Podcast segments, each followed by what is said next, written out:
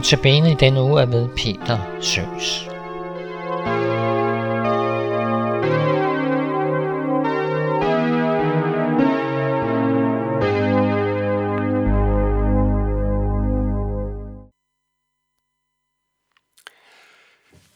Velkommen til Notabene. Jeg hedder Peter Søs, og nu skal vi lytte til salmen Hyggelig Rolig med Hans Nørgaard.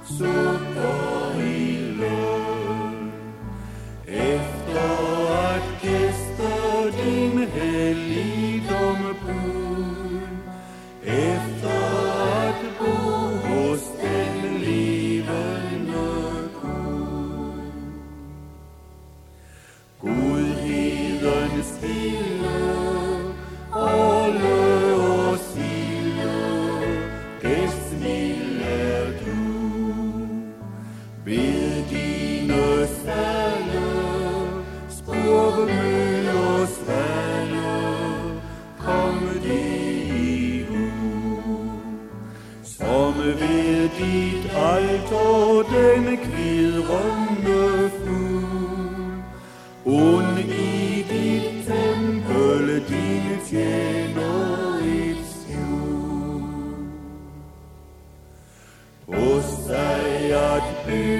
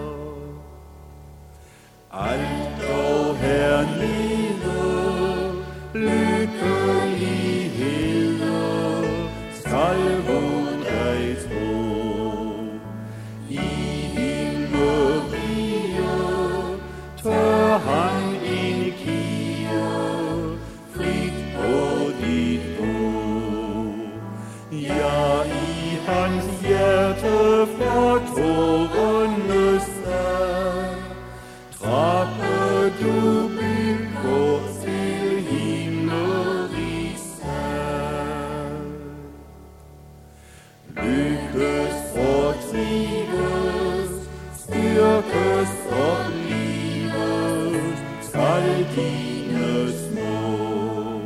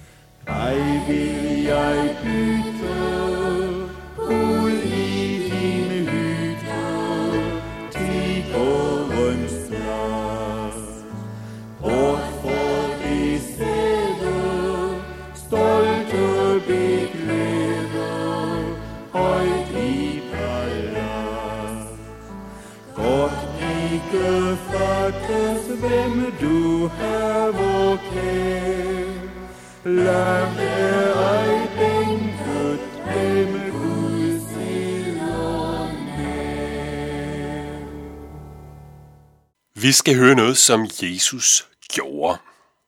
Jesus var til bryllup. Og man får indtryk af, når man læser om det her i Johannes evangeliet i Bibelen, at det var hans mor, altså Maria, som måske kendte brudeparet, eller måske kendte brudeparets familie. I hvert fald var hun inviteret med, og så var Jesus også med. Og det var hans disciple, altså dem, der fulgte ham, det var de også. Og så skete der noget ved det her bryllup. Der skete noget højst beklageligt og pinligt, nemlig at midt under festen, så slap vinen op. Og så var festen jo i fare, og det var på vej til at blive rigtig, rigtig pinligt for brudeparet, og rigtig ubehageligt for dem, der var til stede. De fleste af os kender jo at være til en fest, hvor der sker et eller andet, som gør, at den festlige stemning er truet, eller måske ligefrem, at den fuser helt ud. Og det var det, der var risiko for her. Og så gjorde Maria, altså moren, Jesu mor, hun gjorde det, at hun gik hen til Jesus, og så sagde hun bare til ham, sådan som det var, hun sagde, Jesus, de har ikke mere vin. Og så får hun et noget mærkeligt svar af Jesus. Jesus siger, at hans time endnu ikke er kommet. Altså, at det tidspunkt, hvor han skulle træde frem og begynde at gøre alting godt, sådan som det var hans bestemmelse som Guds messias, at den var der ikke endnu. Det stoppede bare ikke Maria. Hun gik hen til dem, der var tjenere ved den her fest, og så sagde hun til dem, lige meget hvad Jesus siger, så skal I gøre det. Og så var der det sted, hvor den der bryllupsfest blev holdt, der var der seks store stenkar. Det var nogen, som man brugte på den tid. Man havde sådan nogle renselsesritualer, hvor man skulle vaske sig, og de der stenkar, de fyldte, de, de rummede 100 liter cirka hver. Og Jesus sagde til tjenerne, fyld de her stenkar med vand. Og da de havde gjort det, så sagde Jesus, at de skulle øse op af det vand, de havde fyldt i stenkarne, og så skulle de bringe det hen til ham, der stod for festen, ham som sådan ligesom var den øverste ansvarlige, man kaldte ham skafferen. Og da de gjorde det, så viste det sig, at vandet var blevet til vin. Og så var problemet jo løst, kunne man sige. Og skafferen han gik hen til brudgommen og sagde, det var da mærkeligt. Man plejer ellers at gøre det omvendt, når man sådan holder fest. Man plejer at tage den bedste vin først, og så senere, når folk er ved at være påvirket af den vin, de har drukket, så kan man servere den lidt billigere vin. Men du har gjort det omvendt. Du har gemt den gode vin til nu. Og jeg tænker, det her det er vildt. Det er så vildt, at jeg ikke ville have troet på det, hvis ikke det var fordi det var Jesus, der gjorde det her. Men sådan er Jesus.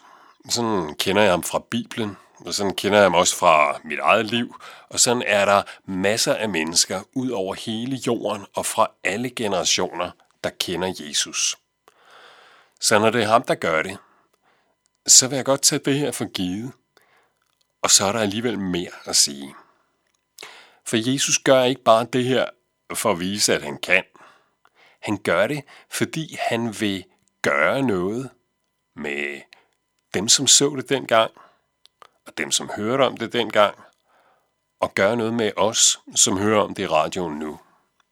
Og det, som Jesus vil gøre, det er, at han vil kalde troen frem i os.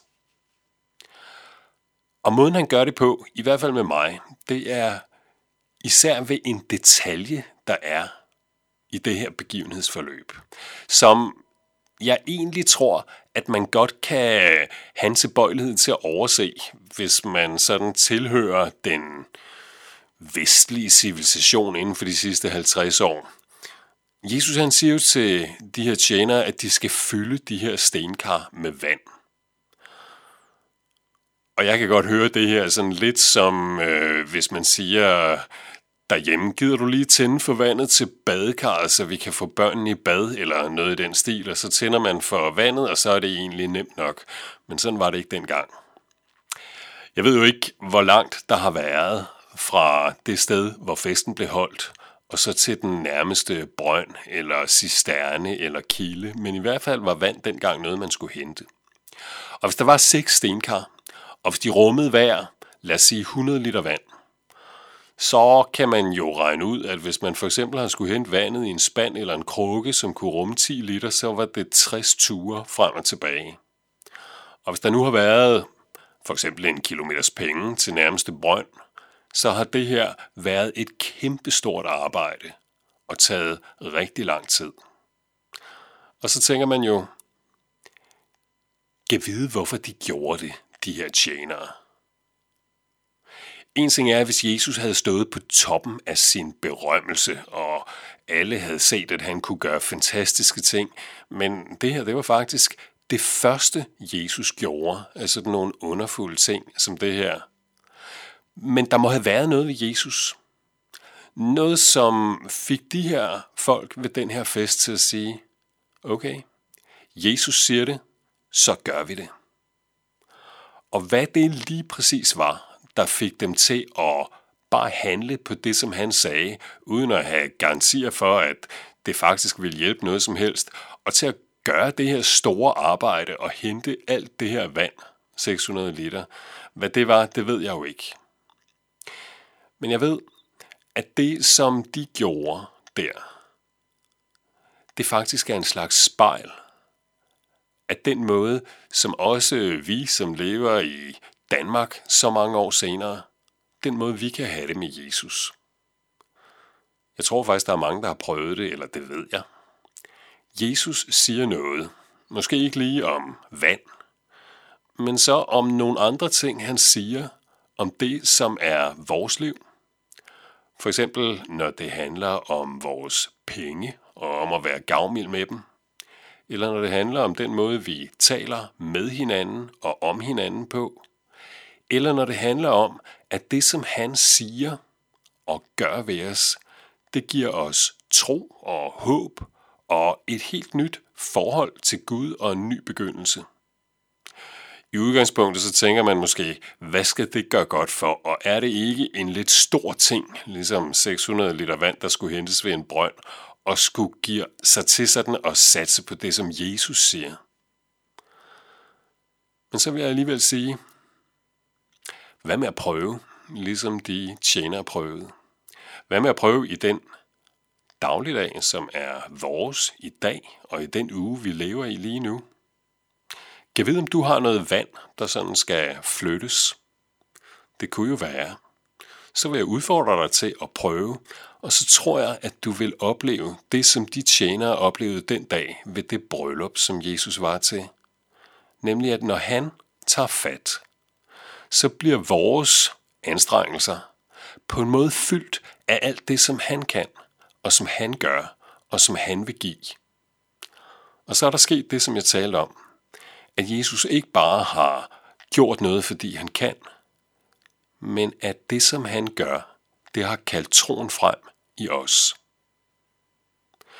En god måde at starte på, det er at bede en bøn, og jeg vil faktisk bede en kort bøn nu, og har du lyst, så kan du jo bede med, når du hører den her i radioen. Lad os bede. Jesus, tak fordi du er den, som kan tage vores bestræbelser og det, som vi flytter rundt på i vores liv, og gøre det til så meget mere. Jeg beder om, at du vil gøre det for os i dag, og jeg beder dig om, at vi må se, hvem du er, og hvad det er, du vil give os igennem det. Amen. Og så skal vi lytte til salmen Vidunderligst af alt på jord, og det er med Musika Ficta og Bo Holten. Vidunderligst.